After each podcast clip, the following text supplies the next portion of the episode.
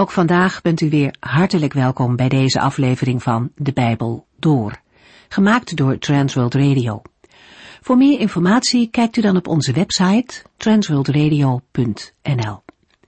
In deze serie gaat u in vijf jaar tijd met ons de Bijbel door, van Genesis 1 tot en met het laatste vers in Openbaring 22. In deze weken lezen we uit het boek Jeremia. In hoofdstuk 33 zit Jeremia nog steeds gevangen. Het Babylonische leger staat op het punt Jeruzalem in te nemen en het is al met al een moeilijke situatie. En in deze moeilijke omstandigheden spreekt de Heer opnieuw over de geweldige toekomst die Hij aan zijn volk zal geven. Er zal vrede in Jeruzalem komen en het leven in het beloofde land zal goed zijn. Dat gaat samen met het herstel van het geestelijk leven. Kort samengevat, de Heere blijft trouw aan zijn eerder gedane verbondsbelofte en hij zal grote dingen doen voor zijn volk. In hoofdstuk 34 krijgt Jeremia opdracht om naar de koning van Juda, Sedekia, te gaan. Hij moet de koning namens God vertellen dat Jeruzalem in handen van de vijand zou vallen. De koning zelf zal echter niet door het zwaard omkomen, maar te midden van zijn eigen volk sterven. De volgende profetie van Jeremia richt zich op de slaven. In de wet was voorgeschreven dat Hebreeuwse slaven na zeven jaar vrijgelaten moesten worden. Maar dit was lange tijd niet gebeurd. Op initiatief van Sedekia laat het volk alle Hebreeuwse slaven en slavinnen vrij tijdens de eerste fase van het Babylonische beleg. Maar dat is maar van korte duur. Zodra de Babyloniërs zich op Egypte richten, komt het volk terug op haar belofte en haalt de slaven ook terug. Zo kan en mag een mens echter niet omgaan met Gods inzettingen. Het is nodig om eenmaal gedane gelofte aan de Heere ook na te komen. Het gedeelte eindigt met de boodschap, zoals de mensen hun slaven weer terugnamen, zo zal de Heere de Babyloniërs weer terugbrengen. In Jeremia 35 hebben we over de Rekabieten gelezen. Een groep mensen die zich bijzonder trouw hielden aan de eens gedane belofte van hun voorvader Jonabab om geen wijn te drinken en in tenten te wonen. Hun gehoorzaamheid is een voorbeeld voor Juda en voor Jeruzalem. Dan in hoofdstuk 36 wordt verteld hoe Baruch de woorden van Jeremia op een boekrol schrijft. Als de koning ze hoort voorlezen, verscheurt hij de boekrol en gooit de snippers in het vuur, want het woord van de Heere doet hem niks. Wij gaan verder met Jeremia 37. Na het verscheuren van de boekrol in Jeremia 36 geven Jeremia 37 tot en met 44 een beschrijving van de ondergang van Juda en Jeruzalem en van de vlucht naar Egypte. De beschrijving is sterk verbonden met het leven van Jeremia. De historische context is dat de Babyloniërs voor korte tijd het beleg rond Jeruzalem onderbreken vanwege geruchten dat de Egyptenaren Juda hulp komen bieden. De eerste versen beschrijven de politieke en geestelijke situatie van het volk. Nebukadnessar had de vorige koning, Joachim, weggevoerd naar Babel en Sedekia in zijn plaats benoemd. Sedekia was dan ook aangesteld door de bezetter en regeerde terwijl zijn voorganger nog leefde. Dat gaf hem als koning een moeilijke positie. De beschrijving in deze hoofdstukken tonen hem als een zwakke machthebber die gemakkelijk toegeeft aan een verzoek, zowel ter bestrijding als ter verdediging van Jeremia. De houding van het volk en de koning tegenover het woord van de Heere is afwijzend, want zij weigeren te luisteren. Zij geloven niet dat de profetieën die Jeremia doorgeeft uit zullen komen. Jeremia 37 vers 3 Toch stuurde koning Sedekia Jugal, de zoon van Selemja, en de priester Sefania, de zoon van Maasea, naar Jeremia toe om hem te vragen Bid toch voor ons tot de Heere onze God. Vanwege de terugtocht van de Babylonische legers stuurt koning Sedekia twee belangrijke personen naar Jeremia. Hij vraagt de profeet om voor hen te bidden. De volgende versen noemen de achtergrond van dit verzoek. Jeremia is nog vrij en zit nog niet in de gevangenis. Wat kort na deze vraag zal veranderen. Verder wordt de aanleiding tot de vraag van Sedekia duidelijk: het terugtrekken van de Babyloniërs. Ze waren gealarmeerd door het bericht over de komst van troepen uit Egypte en trokken de farao tegemoet.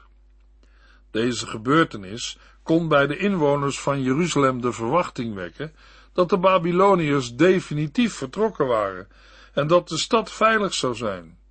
In die situatie geeft de Heer een boodschap aan Jeremia. De profeet spreekt de boodschappers aan en geeft de opdracht tegen de koning te zeggen dat de legers van de farao terug zullen keren naar Egypte. Jeremia 37 vers 7 tot en met 10. De Heere, de God van Israël, zegt, vertel de koning van Juda, die u naar mij toestuurde om te vragen wat er gaat gebeuren, dat het leger van de farao u wel kwam helpen, maar dat het ook weer naar Egypte zal terugkeren. De Babyloniërs zullen daarna terugkomen en Jeruzalem innemen en platbranden. Misleid u zelf niet door te denken dat de Babyloniërs niet zullen terugkomen. Ze komen zeker terug. Ook al zou u het hele Babylonische leger vernietigen, zodat slechts een handvol gewonden zou overblijven, dan nog zouden die uit hun tenten komen en de stad platbranden. De verwoesting van de stad is onafwendbaar, want zelfs als de Judeërs de overwinning behalen, zullen de gewonde Babyloniërs toch nog Jeruzalem in brand steken en verwoesten. De verwoesting van Jeruzalem hangt niet af van de militaire macht van de Babyloniërs, maar van de uitspraken van de Heere. Jeremia 37 vers 11 tot en met 16 Toen het Babylonische leger het beleg van Jeruzalem opgaf, omdat het leger van de farao in aantocht was, maakte Jeremia van de gelegenheid gebruik om naar het land van Benjamin te gaan om een erfenis te regelen. Maar toen hij door de Benjaminpoort liep, arresteerde een leider van de stadwacht hem als deserteur. Men verdacht hem ervan dat hij naar de Babyloniërs wilde overlopen. De wachter die hem arresteerde heette Jeria en was de zoon van Selemja en kleinzoon van Ganania. Hoe Jeremia ook tegensputterde en zei dat hij helemaal niet wilde overlopen, de wachter luisterde niet naar hem en nam hem mee naar de leiders van de stad. Deze waren woedend op Jeremia, sloegen hem en zetten hem gevangen onder het huis van de secretaris Jonathan, in een ruimte die tot gevangenis was omgebouwd, waar hij lange tijd zou moeten blijven. De tijdsaanduiding over het wegtrekken van het Babylonische leger maakt duidelijk dat de volgende gebeurtenis in dezelfde periode valt. Jeremia wil afreizen naar zijn geboortestreek Benjamin. Zijn weg uit de stad gaat via de Benjaminpoort. Omdat de geboorteplaats van Jeremia ten noordoosten van Jeruzalem lag, zal deze poort in het noordoostelijke deel van de stad hebben gelegen. Maar dat is ook de richting van de Babylonische troepen. Als Jeremia de stad verlaat, wordt hij tegengehouden en ervan beschuldigd dat hij overloopt naar de vijand. Jeremia verdedigt zich, maar er wordt niet naar hem geluisterd. Hij wordt gearresteerd. Jeremia wordt naar de leiders van de stad gebracht. Ze zijn woedend en zetten hem gevangen. Jeremia moet er blijven tot zijn berechting. Het gaat om een geïmproviseerde gevangenis onder het huis van de secretaris Jonathan. Jeremia 37, vers 17. Op een dag liet koning Sedekia hem in het geheim naar het paleis brengen. De koning vroeg hem of hij kort geleden nog een boodschap van de Heere had gekregen. Ja, zei Jeremia, die heb ik gekregen. U zult worden verslagen door de koning van Babel. Na enige tijd roept Sedekia Jeremia uit de gevangenis.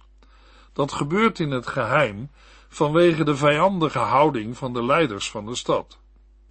Hij vraagt of er een woord van de Heer is, waarschijnlijk omdat de Babyloniërs inmiddels terugkeren naar Jeruzalem. Het antwoord van Jeremia geeft kort en duidelijk aan dat er geen verandering is opgetreden. Sedekia zal worden verslagen door de koning van Babel. In vers 18 blijkt dat Jeremia van de gelegenheid gebruik maakt om twee vragen aan de koning te stellen. Eerst vraagt hij welk kwaad hij heeft gedaan dat hij in de gevangenis is gezet.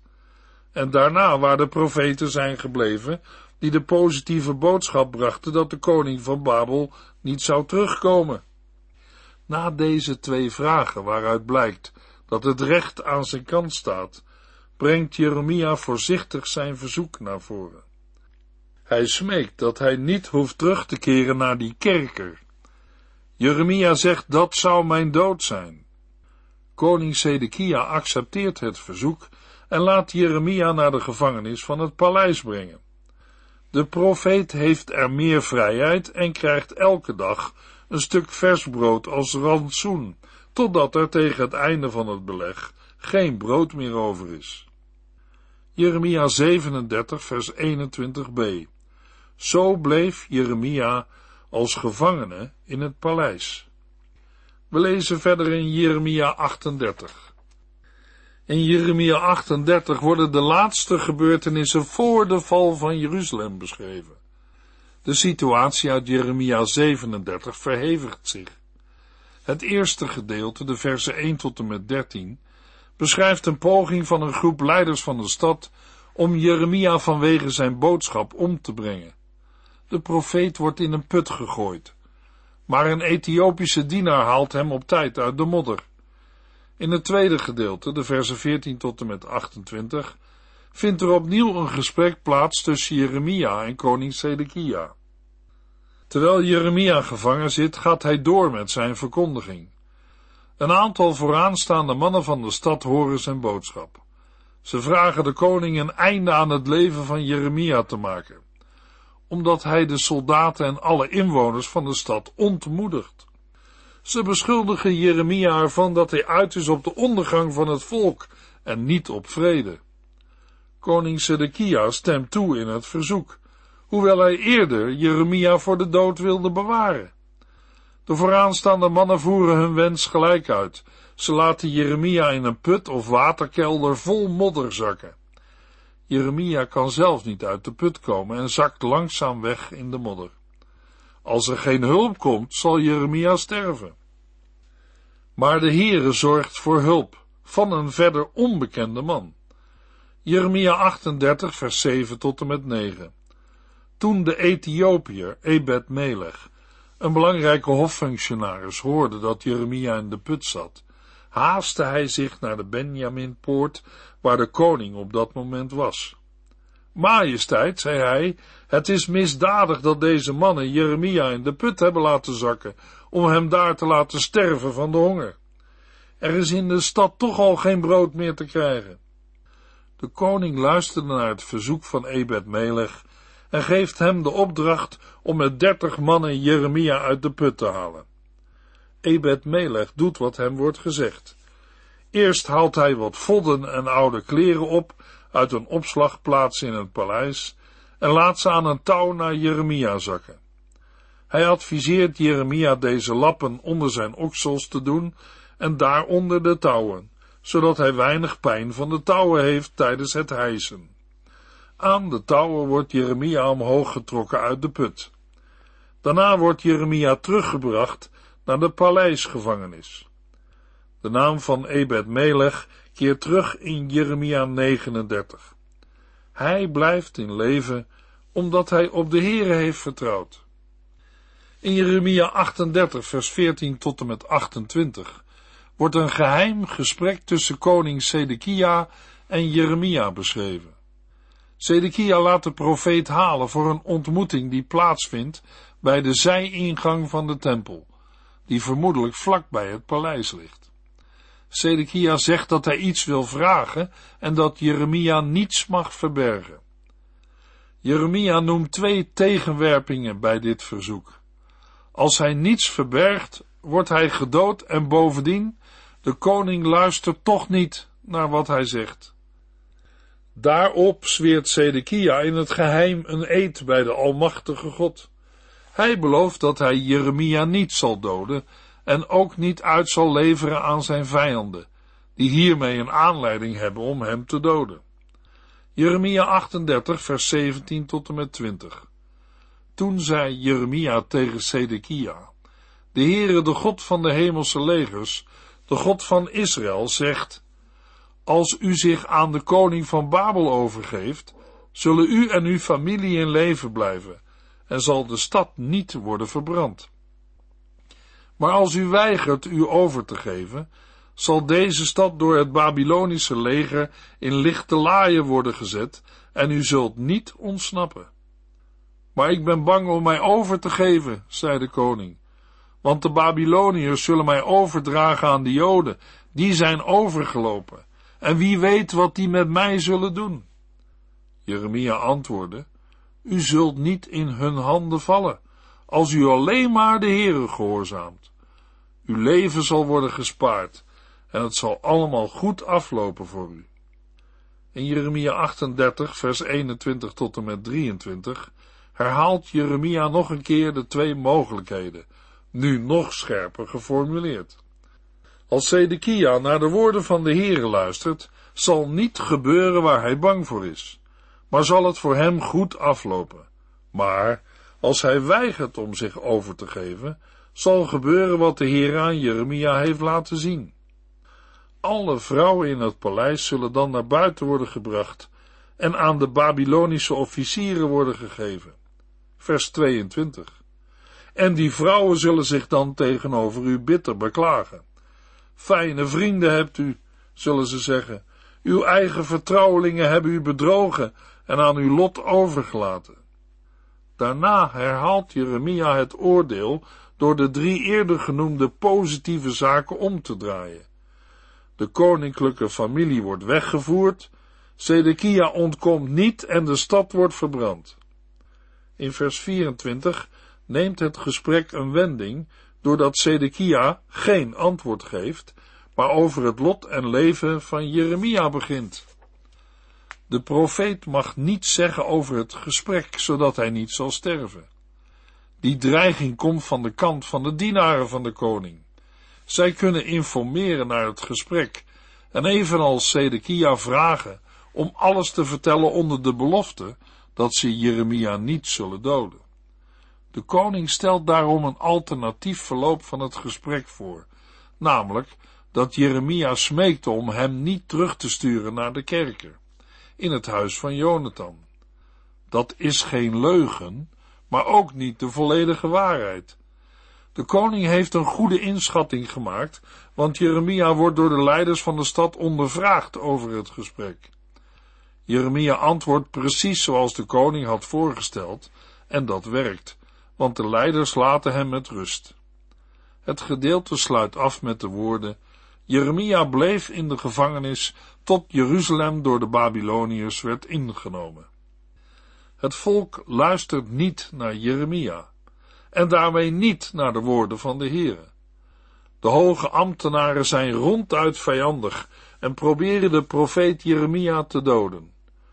De koning heeft meer sympathie voor de profeet en vraagt naar de woorden van de Heer. Hoewel hij positiever is, weigert ook hij te luisteren. Angst voor mensen overheerst bij hem en is belangrijker dan eerbiedig ontzag voor de Heere. De enige in Jeremia 38 die volledig achter Jeremia staat, is de Ethiopiër Ebed Melech iemand die niet tot het volk Israël behoort. Zo wordt er een contrast getekend met de eigen mensen in het paleis. Ook op andere plaatsen in het Oude Testament zijn vaak niet-Joodse mensen een voorbeeld van geloof en vertrouwen op God. In het Nieuwe Testament verwerpen Joodse leiders Jezus Christus, terwijl allerlei niet-Joden, met name door het werk van de apostel Paulus, het evangelie wel positief ontvangen en Christus aanvaarden als verlosser. Ondanks de tegenstand, zelfs de dreiging van de dood, spreekt Jeremia het woord van de Heere. Profeten waren vaak niet geliefd bij de koning en het volk. In het Nieuwe Testament blijkt dit ook in de steniging van Stefanus en de vele verdrukkingen die Paulus moest ondergaan ter wille van de verkondiging van het evangelie. Maar door Gods genade en in zijn kracht bleven zij zo lang mogelijk het woord van de Heere verkondigen. Daarbij moeten soms beslissende keuzes worden gemaakt. Jeremia 39, vers 1 en 2. In de tiende maand van het negende regeringsjaar van koning Sedekia van Juda kwam koning Nebukadnessar met zijn hele leger terug naar Jeruzalem om de stad te belegeren. Anderhalf jaar later, in de vierde maand, sloegen zij een bres in de stadsmuur en veroverden de stad. Jeremia 39 begint met een verslag van de inname van Jeruzalem door de Babyloniërs. Het is bijna identiek aan de weergave in Jeremia 52 en 2 Koningen 25. Eerst wordt in de versen 1 tot en met 3 de inname beschreven. Dan, in de versen 4 tot en met 7, de berechting van de gevluchte Sedekia en tot slot, in de versen 8 tot en met 10, het lot van de stad. In de versen 11 tot en met 13 lezen we over de bevrijding van Jeremia door Nebukadnessar. En in vers 14 dat de profeet wordt toevertrouwd aan Gedalja, een kleinzoon van Safan. Deze twee verhalen horen bij elkaar, omdat in de Hebreeuwse tekst pas in vers 14b de steeds terugkerende afsluiting wordt gebruikt. Sedekia wordt gestraft, terwijl Jeremia in vrijheid wordt gesteld. Het slot van Jeremia 39, vers 15 tot en met 18, bevat een boodschap voor Ebed Melech. In vers 3 worden de namen en functies genoemd van de Babylonische legeraanvoerders. De vermelding duidt op een verslag van een ooggetuige. Jeremia 39, vers 4 tot en met 7. Toen koning Sedekia en zijn strijders hen zagen en begrepen dat de stad verloren was, vluchtten zij s'nachts door de poort tussen de twee muren aan de achterkant van de paleistuin over de velden in de richting van het Jordaandal. Maar de Babyloniërs gingen de vluchtelingen achterna en haalden ze in op de vlakte van Jericho, waar zij de koning gevangen namen en naar koning Nebukadnessar brachten. Deze was in Ripla, in het land Hamat. Daar sprak hij zijn vonnis over de koning uit. De koning van Babel dwong Sedekia toe te kijken, terwijl zijn kinderen en de vooraanstaande burgers van Juda werden gedood. Daarna stak hij Sedekia de ogen uit, boeide hem met ijzeren ketens en zond hem naar Babel. Sedekia en zijn soldaten zien dat de stad is ingenomen en besluiten te vluchten. Gedekt door het donker van de nacht, proberen ze te ontkomen in de richting van de Jordaanvallei. De Babyloniërs hebben de stad omsingeld en zien de vluchtende Sedekia. Ze achtervolgen hem en nemen Sedekia en de anderen gevangen. Vervolgens brengen ze hem bij Nebukadnessar in Ripla voor een berechting. De straf is gruwelijk. Zijn kinderen en de vooraanstaande burgers van Juda worden gedood. Sedekia wordt niet gedood. Hij wordt blind gemaakt, geboeid en naar Babel gebracht. Na Sedekia gaat het in vers 8 over Jeruzalem en zijn inwoners. De stad wordt platgebrand en de muren worden omvergehaald. De bevelhebber Nebuzaradan deporteert de overgebleven mensen naar Babel, de overlopers en de rest van de bevolking. De armsten in het land mogen blijven. Nebuzaradan geeft hen zelfs akkers en wijngaarden. Jeremia 39, vers 11 tot en met 14. Nebukadnessar had Nebuzaradan ook bevolen Jeremia op te zoeken. Zorg ervoor dat hem niets overkomt, zei hij. Zorg goed voor hem en geef hem alles wat hij wil. Zo voerde Nebuzaradan, het hoofd van de lijfwacht, hofmaarschalk Nebuzarcegim, opperbevelhebber Nergal Sarezer en alle ondergeschikten het bevel van de koning uit. Zij stuurden soldaten naar de gevangenis om Jeremia eruit te halen en stelden hem onder de hoede van Gedalja, de zoon van Agikam en kleinzoon van Safan, die hem moest terugbrengen naar zijn huis. Zo bleef Jeremia bij de mensen die in het land waren achtergebleven. Naast de berechting van Sedekia geeft Nebukadnessar ook instructies over Jeremia. Nebuzaradan moet voor Jeremia zorgen en mag hem geen kwaad doen. Hij moet zelfs doen wat Jeremia zegt. Alle opdrachten van Nebukadnessar worden uitgevoerd. Jeremia wordt uit de gevangenis gehaald en overgedragen aan Gedalja om hem naar huis te brengen. Jeremia is weer terug bij zijn achtergebleven volksgenoten. Gedalja is volgens vers 14 een kleinzoon van Safan. Safan was betrokken bij de vondst van het wetboek tijdens de regering van koning Josia. Zijn zoon Achikam beschermde Jeremia tegen het volk in Jeremia 26. De verwoesting van Jeruzalem is een feit. Jeremia had het al aangekondigd, maar naar hem werd niet geluisterd. De verwoesting heeft voor de profeet en voor de koning en zijn raadslieden een tegenovergestelde betekenis.